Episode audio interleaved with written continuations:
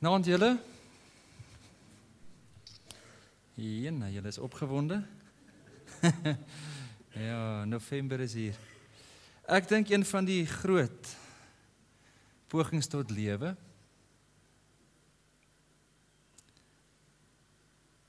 is om bewus te wees. En ek weet ons het al hierdie videoetjie gewys in die verlede. Maar ek is nogal daarvan oortuig dat dit is regtig 'n kuns. Dis regtig 'n vermoë om die lewe te verstaan. As ons praat van consciousness of awareness. En vandag is daar baie boeke geskryf hieroor. Daar's baie mense wat ehm um, navorsing hieroor doen. Hulle praat deesdae van emosionele intelligensie. Jy het dit al gehoor. Hulle sê dit is, is baie belangriker wat jou emosionele, jou EQ is as jou IQ. Met ander woorde, jy moet wees weet wat jy wat jy aan die gang is. Jy moet weet wat jy voel en hoekom jy so voel en ek stem 100% daarmee saam. Hulle praat deesdae van sosiale intelligensie.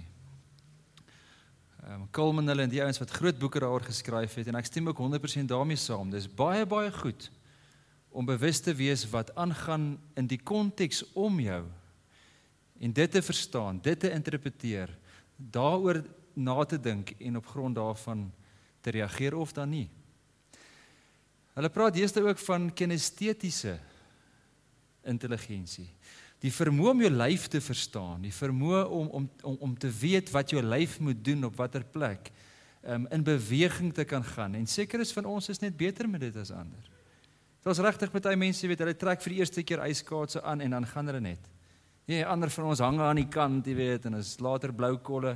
Party van ons is net makliker met dit. Jy sien 'n ding, jy sien 'n ou klein seentjie sien, hy tel die eerste keer 'n cricketkolf op of 'n golf golfstel vir golfstok en Die swaai is net daar. Iewers is daar iets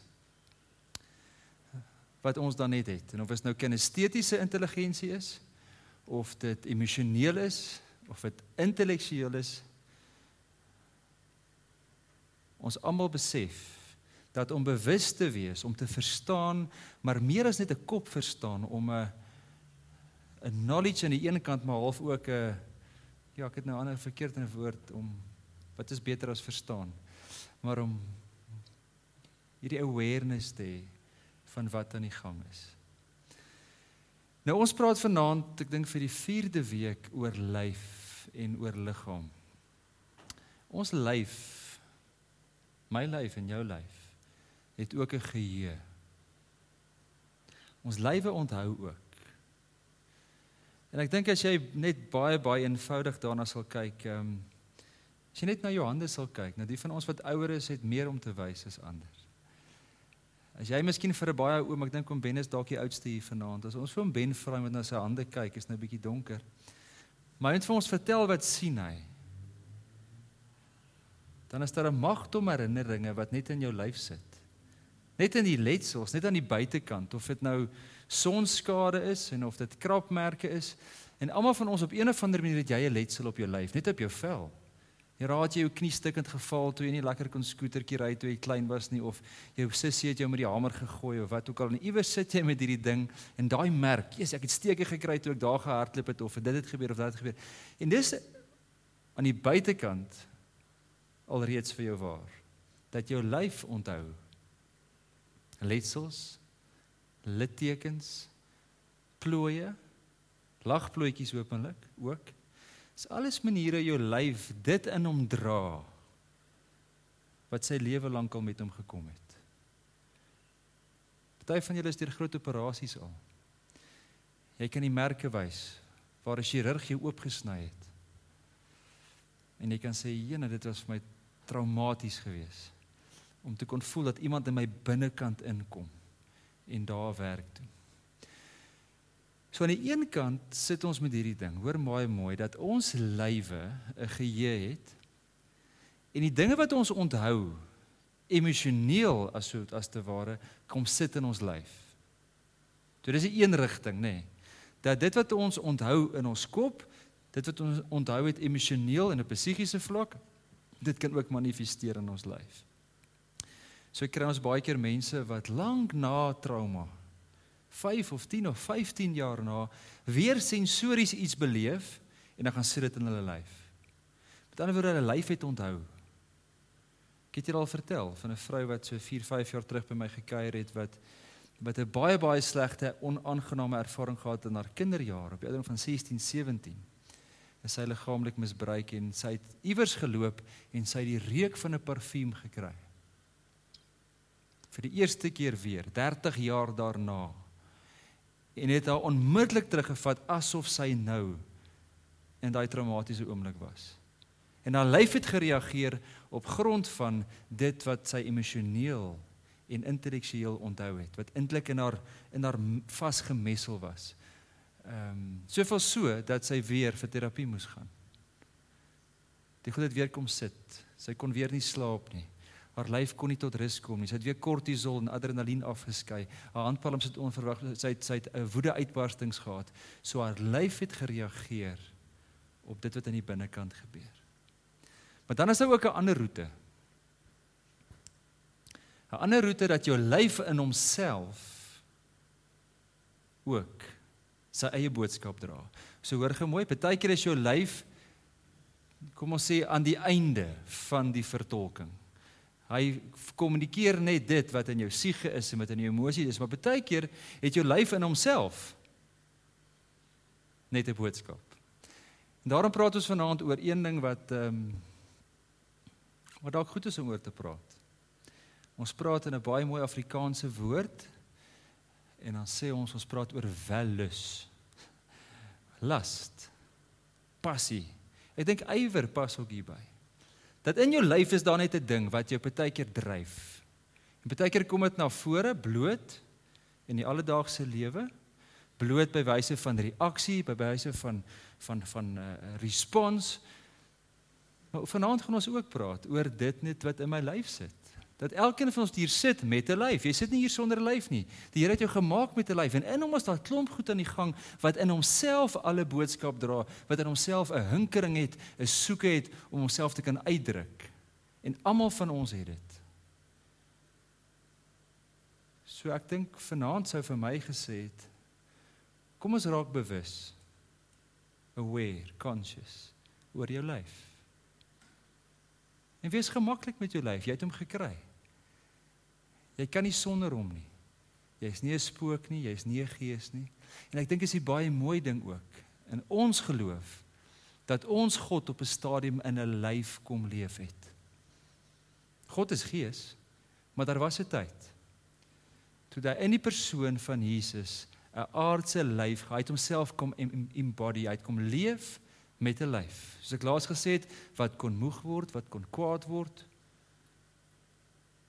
wat honger was, wat in homself ook drifte gehad het. Hy het 'n menslike lyf en liggaam gehad, soos ek en jy. Vanaand wil ek dan hê ons moet baie mooi verstaan dat ons sit met 'n hinkering in elkeen van ons. Jou lyf wil jou laat beweeg na iets toe. Jou lyf alleen het voortdurend die soeke en die hinkering na meer toe.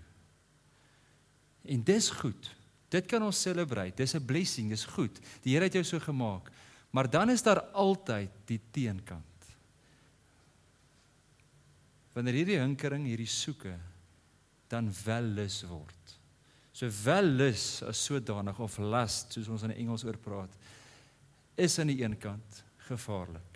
Dis waar dit oordrewe word en waar die lyf en die soeke van die lyf oor totaal oorheers en die denke en die vermoë wat jy het om te kan keuses maak heeltemal geoverride word. Dan praat ons van wellus.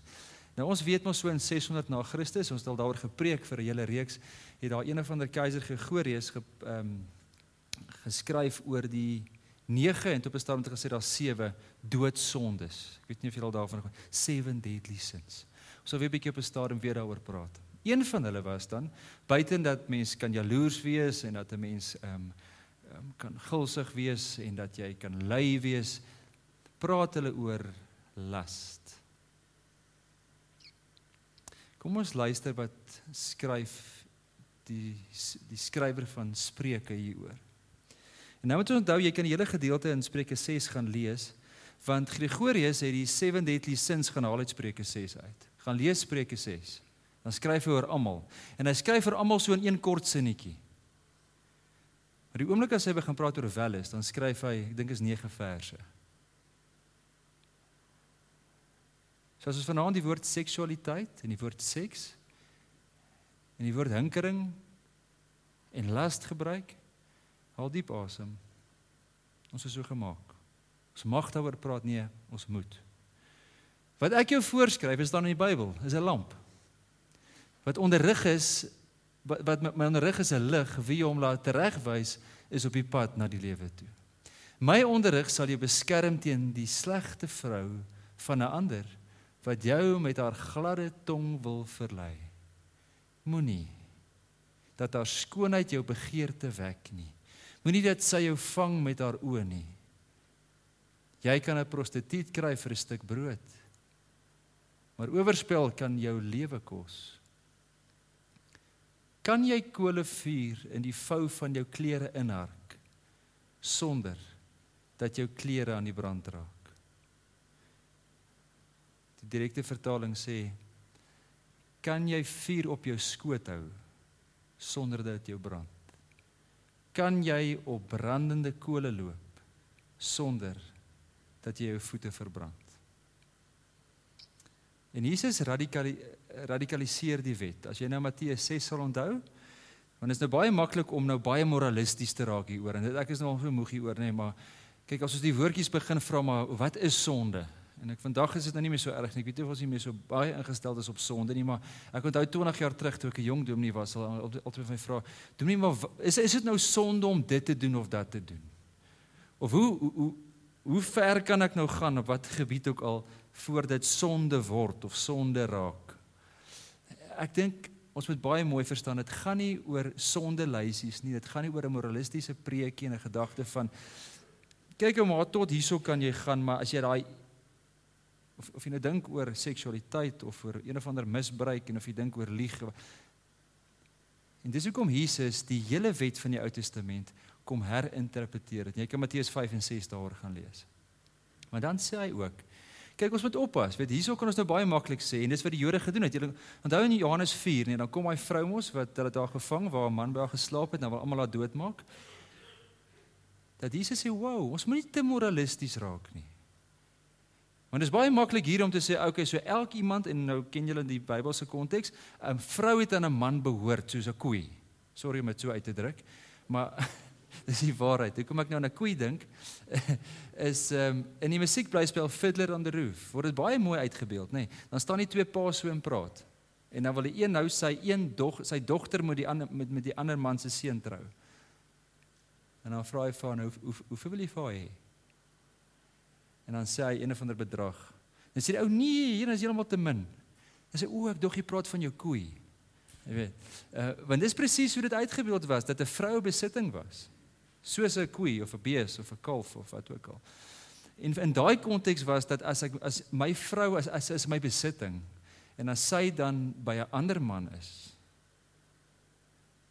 veral op hierdie grond ons praat van op seksuele grond nê nee, dan is dit oorspel en nou kom Jesus en hy radikaliseer die wet heeltemal hy sê nee jy ken daai gedeelte in Matteus 6 5 of 6 hy sê mm -mm.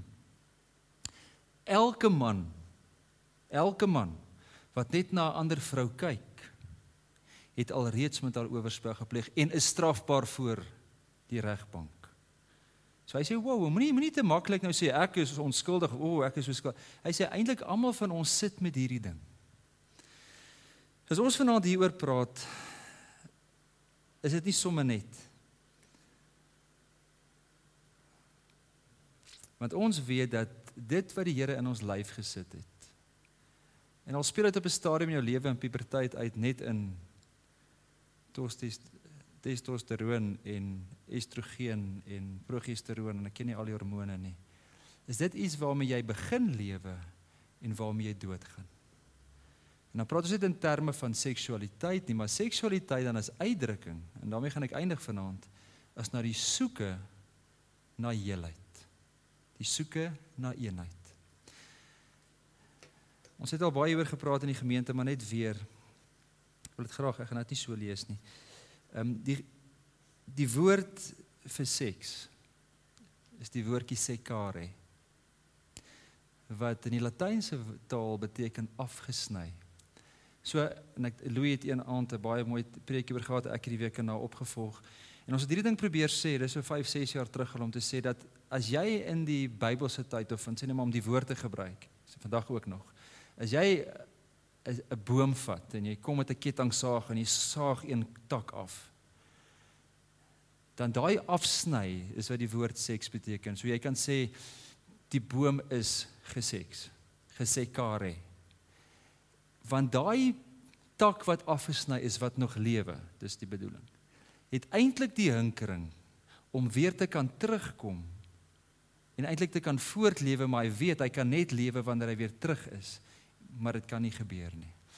En nou kom ouens wat hieroor skryf en sê dis eintlik dan die gedagte agter seksualiteit. Dat dit my en jou behoefte is om voortdurend weer heel te word. Om weer na ander te soek. Om weer hierdie drif in my lyf te hê dat ek nie alleen wil wees nie. En van die dag wat jy gebore is tot die dag wat jy doodgaan, het elkeen van ons die groot gestoei om nie alleen te wees nie. Van die dag wat jy in 'n krib lê, regdeur. Ek wil dit soveel lees net in hierdie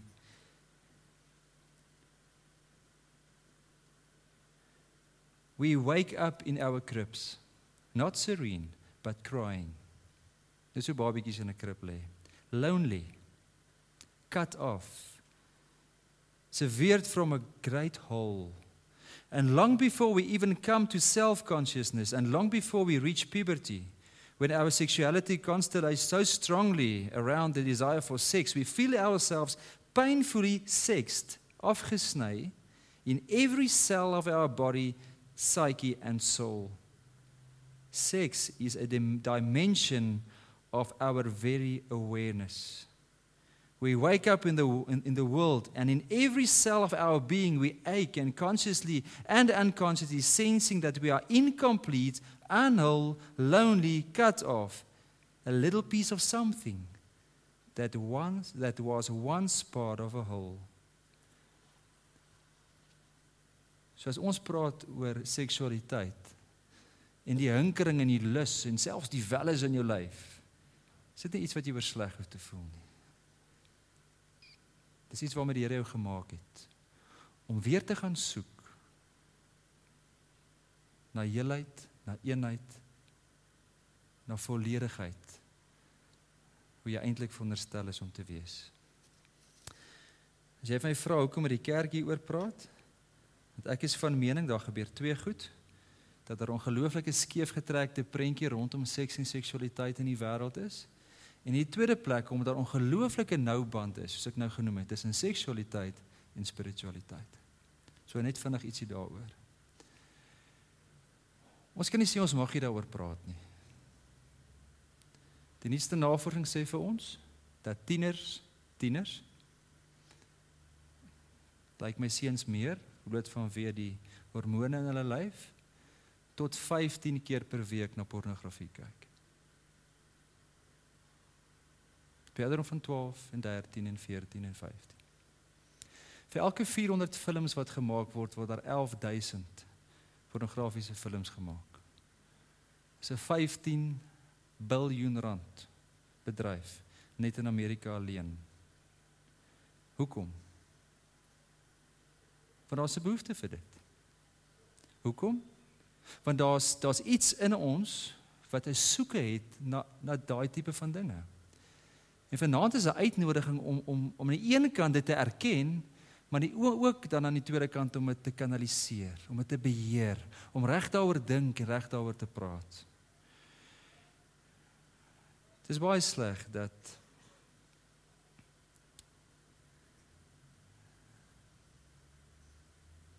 dat hierdie ding wat eintlik mooi is of jy dit energie wil noem en of jy dit wil ywer noem.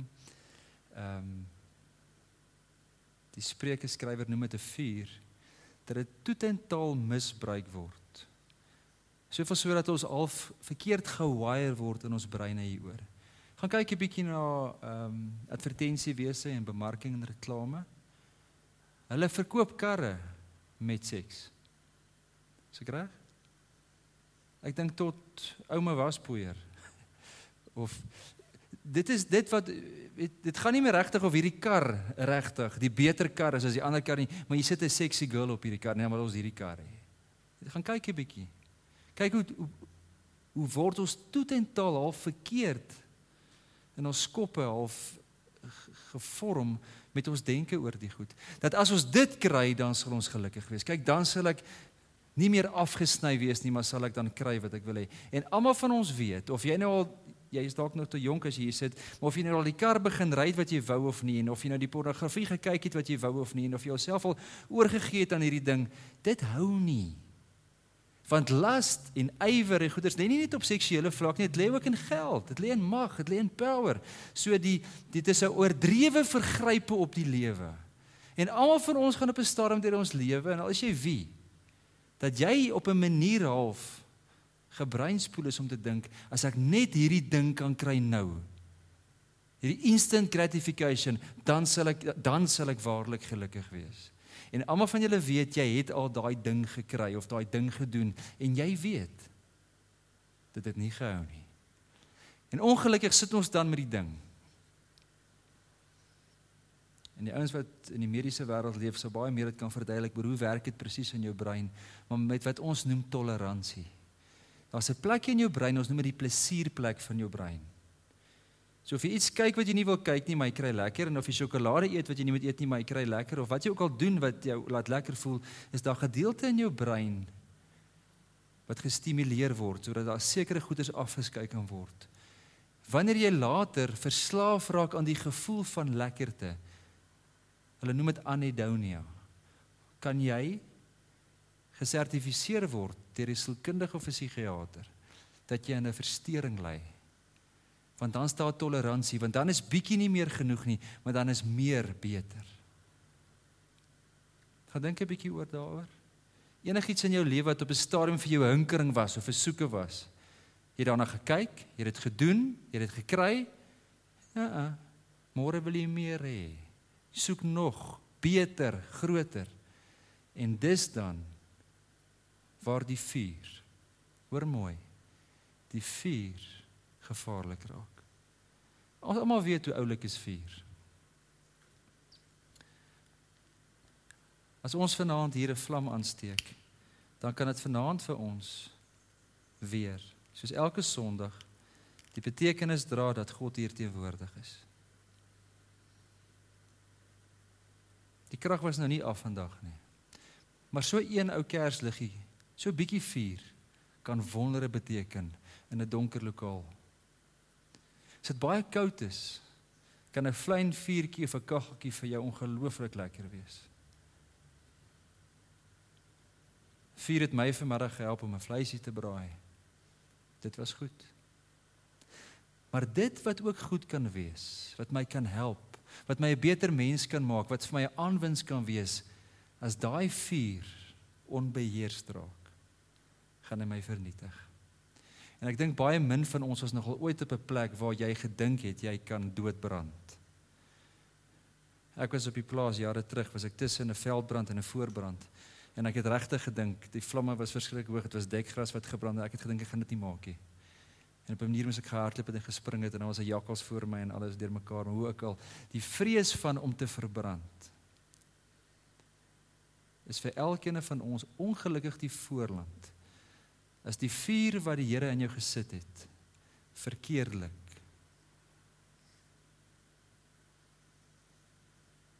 Valslik. En selfs baie keer met opset verkeerd aangewend word. So ek wil vanaand net 'n paar lyne trek, wil hiermee afsluit ook. Kom ons wees bewus van begeertes en behoeftes en ons sê dankie vir die vuur in jou.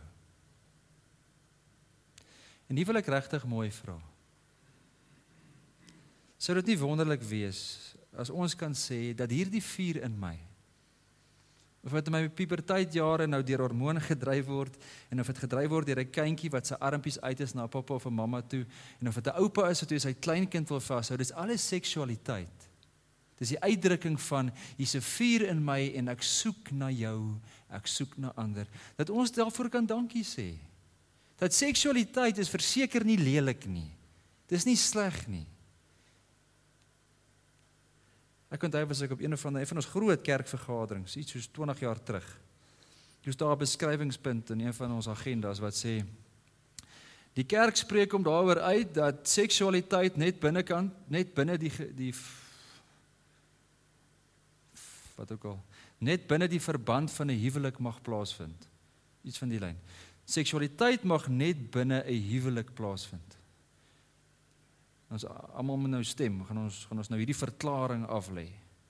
Daar staan daar so een ouetjie op sê nee. Want van die dag van jou geboorte af is jy al besig om jou seksualiteit uit te leef.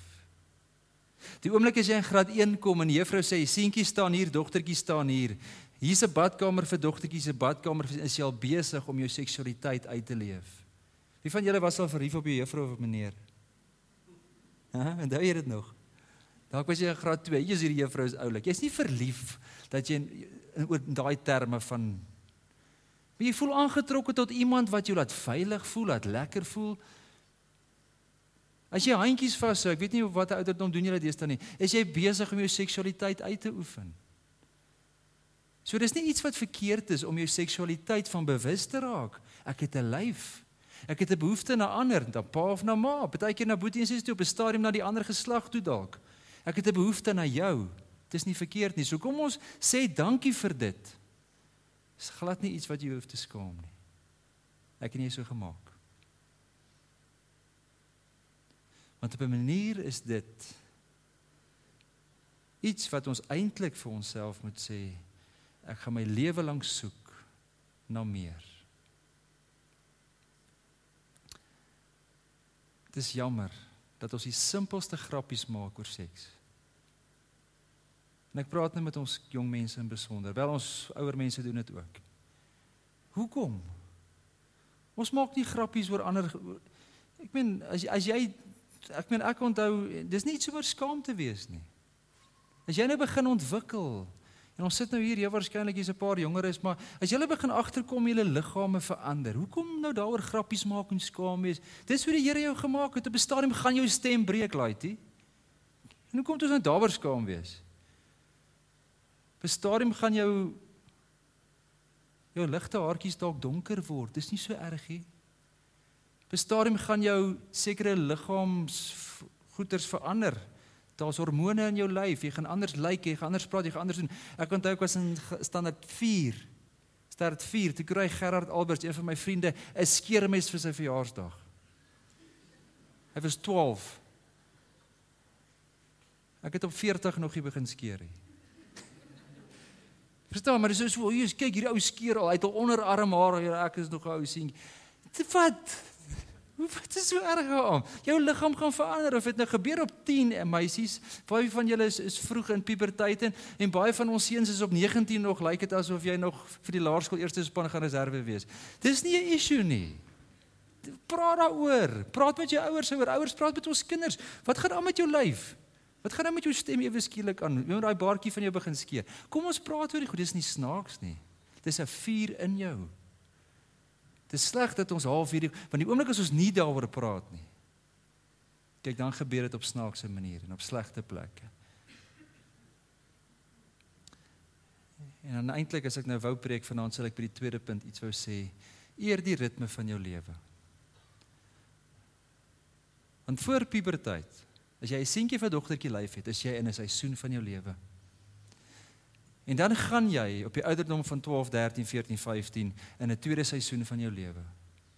En dan verander jou lyf.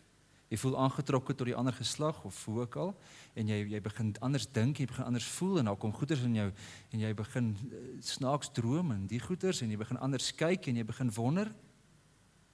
Dis 'n seisoen van jou lewe.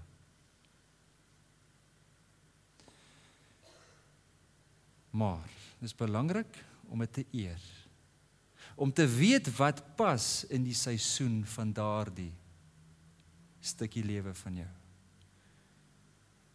En dink net maar vanaand ek is die ou dominee wat baie preets is en oudmodies is. Maar daar is taboes. Wat is 'n taboe?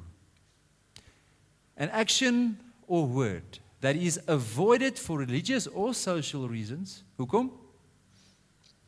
To the advantage of the individual or society. Regdeur die mensdom se geskiedenis. Hoor mooi vir my. Het gemeenskappe, sosiale gemeenskappe of geloofsgemeenskappe gesê, daar's sekere goeders wat 'n taboe is. Wat is 'n taboe? Jy sê nee. Want daar's sekere goed in hierdie lewe, hoor mooi vir my. Hoe sê my een vriend het altyd sê dis of 'n bom of is gom. Iets wat goed is vir jou, wat jou gaan heel maak. Of is 'n bom, dit gaan jou laat ontplof. Dis dieselfde gedagte van die vuur. Dis iets wat wat jy kan sê dis mooi, dit dit ek kan daarna kyk, dit kan my rustig maak, dit kan selfs my hitte gee. Of ek kan verbrand.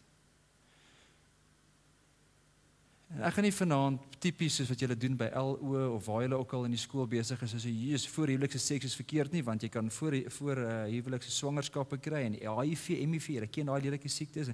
Dis nie waar dit gaan nie.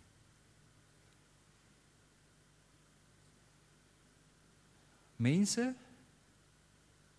is anders gemaak, gekondisioneer en gevorm deur God as diere.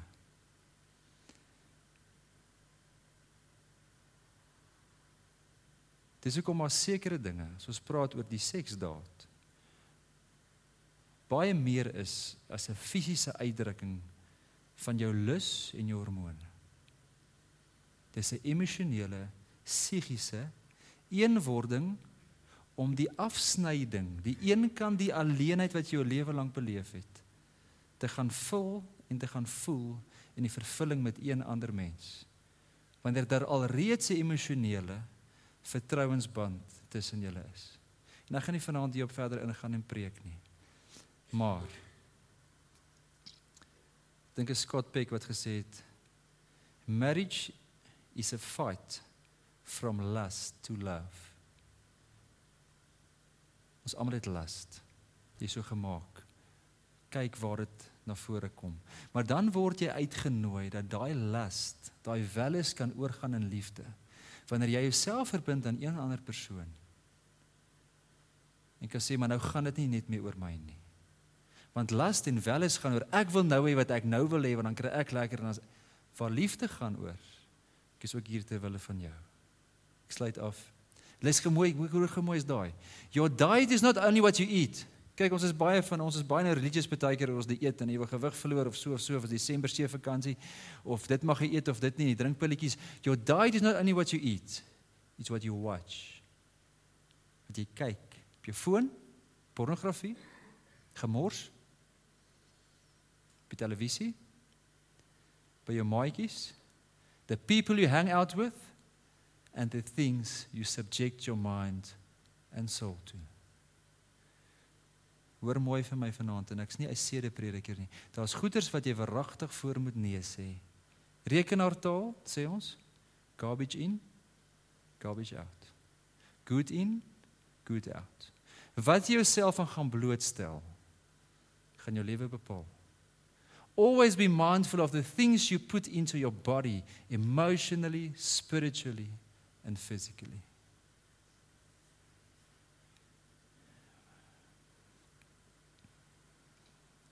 Ek sluit af.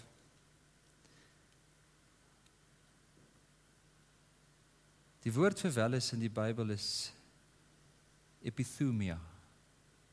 Epi wat beteken buite, maar net jy moet eintlik 'n bietjie help nou met thumia. Maar dit gaan oor die gedagte, ek wil iets sê. Kan jy? Ek kon dit nou mooi probeer soek en lees, maar ek kom nie so vinnig voor sê as op dit kom nie. Maar die gedagte van dis 'n krag wat buite jou lê. Welis wat binnekant jou kom maar wat jy oor moet beheer. Kom ek probeer dit so sê, ek sluit hiermee af. Elkeen van ons sit met hierdie vuur in jou. Maar hierdie vuur is nie noodwendig daar om jou lewe heeltemal te oorheers sodat jy jouself verbrand nie. As ek 'n metafoor kan gebruik. Partykeer gee ons onsself heeltemal oor hieraan. Ek het raak gelees hulle praat van hypofrontality frontality. Dis 'n dis 'n ding wat eintlik shorts kom in jou brein dat jy meer en meer half oordrewe word deur die impulse van jou lyf. Die Here maak vir my en vir jou om te kan sê, ek en jy kan nee sê. Ek en jy kan ja sê. En om vir sekere goeders in die lewe te kan ja sê, veronderstel dit 'n noodwendige nee. Dis hoe die lewe is. Liefde is nie veronderstel dat ander mense na jou toe kan kom en jou net gelukkig kan maak.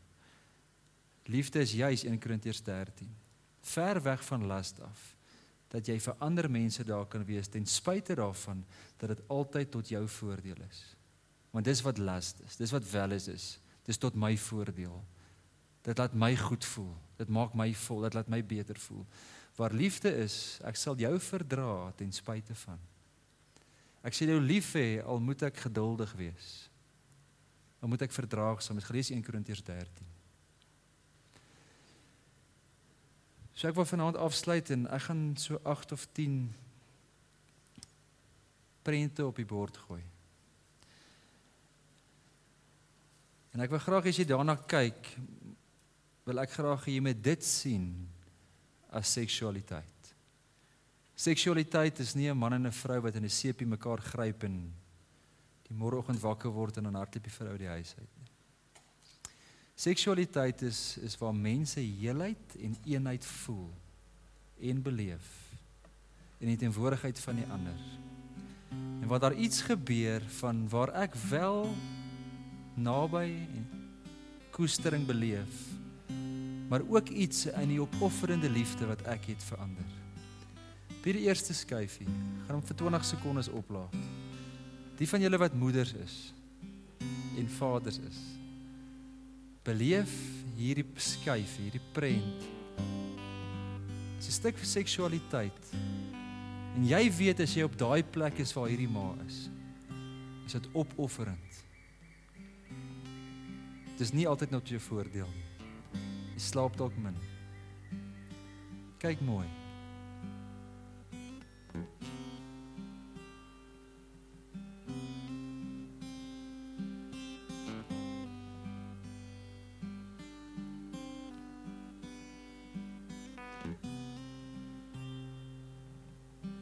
as jy 'n oupa kry of 'n ouma kry wat baie baie trots is op hulle kleinkind. Ek weet dit kan nogal gebeur. Is dit 'n stuk seksualiteit? Dis 'n uitdrukking van ek voel bietjie meer heel. Ek voel weer bietjie gesond. Want ons is in mekaar se teenwoordigheid.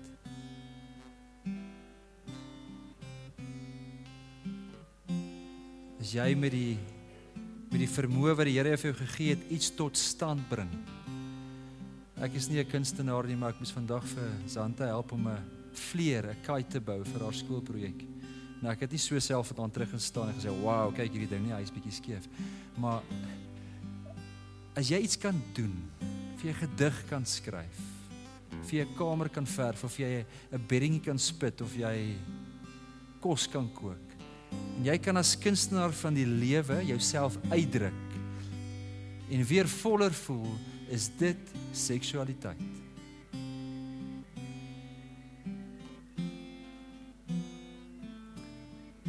As jy sien hoe mense hulle lewe gee om ander te red, is dit 'n uitdrukking van seksualiteit. Iemand soos hierdie wat regtig sy eie lewe waag om 'n kind te gaan red, Maar ouers doen dit ook. Onderwysers doen dit ook. Mense wat op een of ander wyse hulle self neersit om die lewe vir ander beter te maak, om hulle te red te seksualiteit.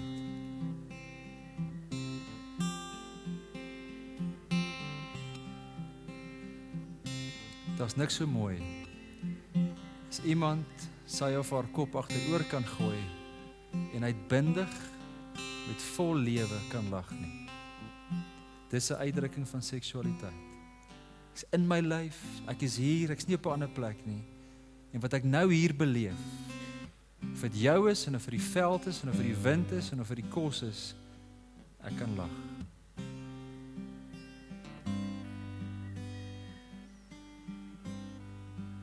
Waar mense bymekaar kom, mekaar nodig het. Dit is 'n vorm van seksualiteit. Partykeer het jy mense so nodig. Soos die kringetjie wat jy maak voor jy afskop vir 'n rugbywedstryd. Of 'n familie wat dalk rondom 'n graf staan. En agterkom dat ons nou alleen alleen ons met die genade van die Here iets van God se liefde sigbaar kan maak. Dit wat jy daar beleef is die uitdrukking van jou seksualiteit.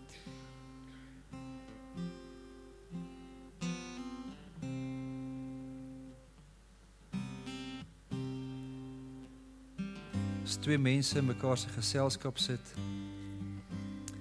en dit gaan regtig nie meer oor wat jy vir my kan doen nie. Maar dat ek en jy mekaar net verstaan deur mekaar se oë te kyk is dit 'n uitdrukking van seksualiteit. Dit is 'n stuk van eenheid. Dit is 'n stuk van ons is hier. En daardeur kry ek wie ek is. As enige familie kan saam sit en kan saam kuier. En 'n familiepap moet eet en 'n vir kalkoen het vir Kersfees. Die eenheid van 'n tafel is seksualiteit.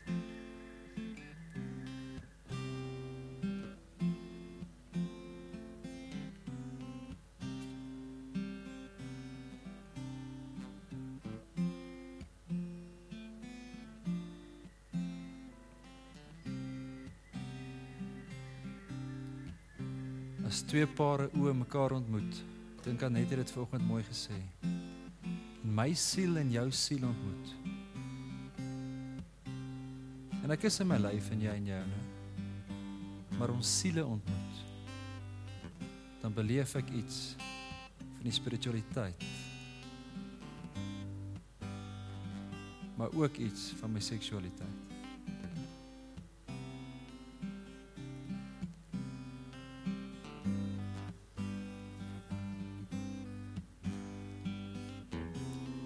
Die shaker maar so aanbeweeg. En dan kom haar kleur. Dan kom waardering.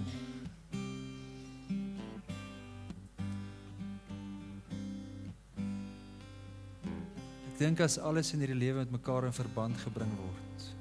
God wat die skepper is. En hy kyk na my en jou en hy kyk na die skepping. En ten spyte van al die dom keuses wat ons maak in die wêreld het baie keer en baie keer selfs in die meerderheid het mekaar uitval, maar hy sien tog momente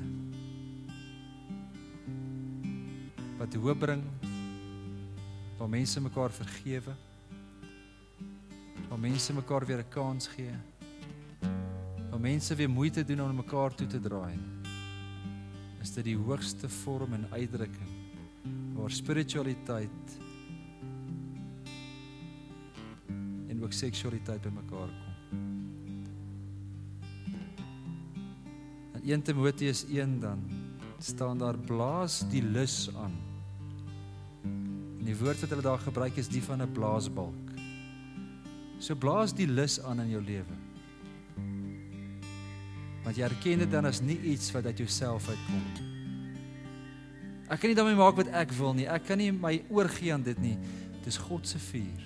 Hebreërs sê God is 'n vuur. En ek en jy draai daai vuur in ons tot in my lyf, tot in elke sel. Amen.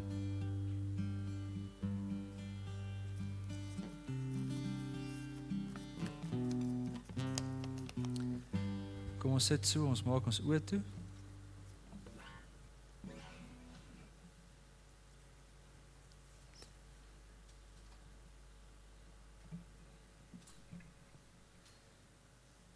Here baie dankie dat ons hier leef. En daardie probeer ons iets sê dat ons 'n lyf het, Here. Ons is gebore op 'n plek en op 'n tyd in 'n lyf. Ek word wakker in 'n liggaam. Ek beweeg in 'n liggaam. Mag ons bewus wees, Here, van die vuur in ons. Mag ons dit eer want dit kom van U af. Here, maar mag ons ook dit so eer dat ons daaroor besluite kan neem, dit ook kan beheer.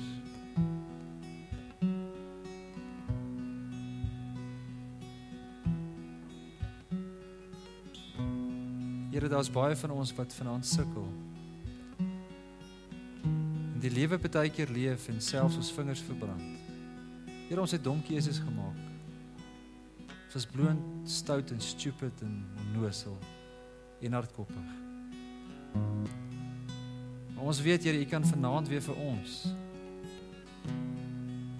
tweede kanse gee.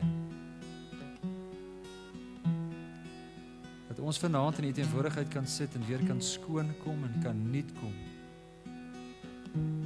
Want as U in ons oë kyk, dan sien U ons raak vir wie ons is. Kinders van U, gemaak deur U, deel van U.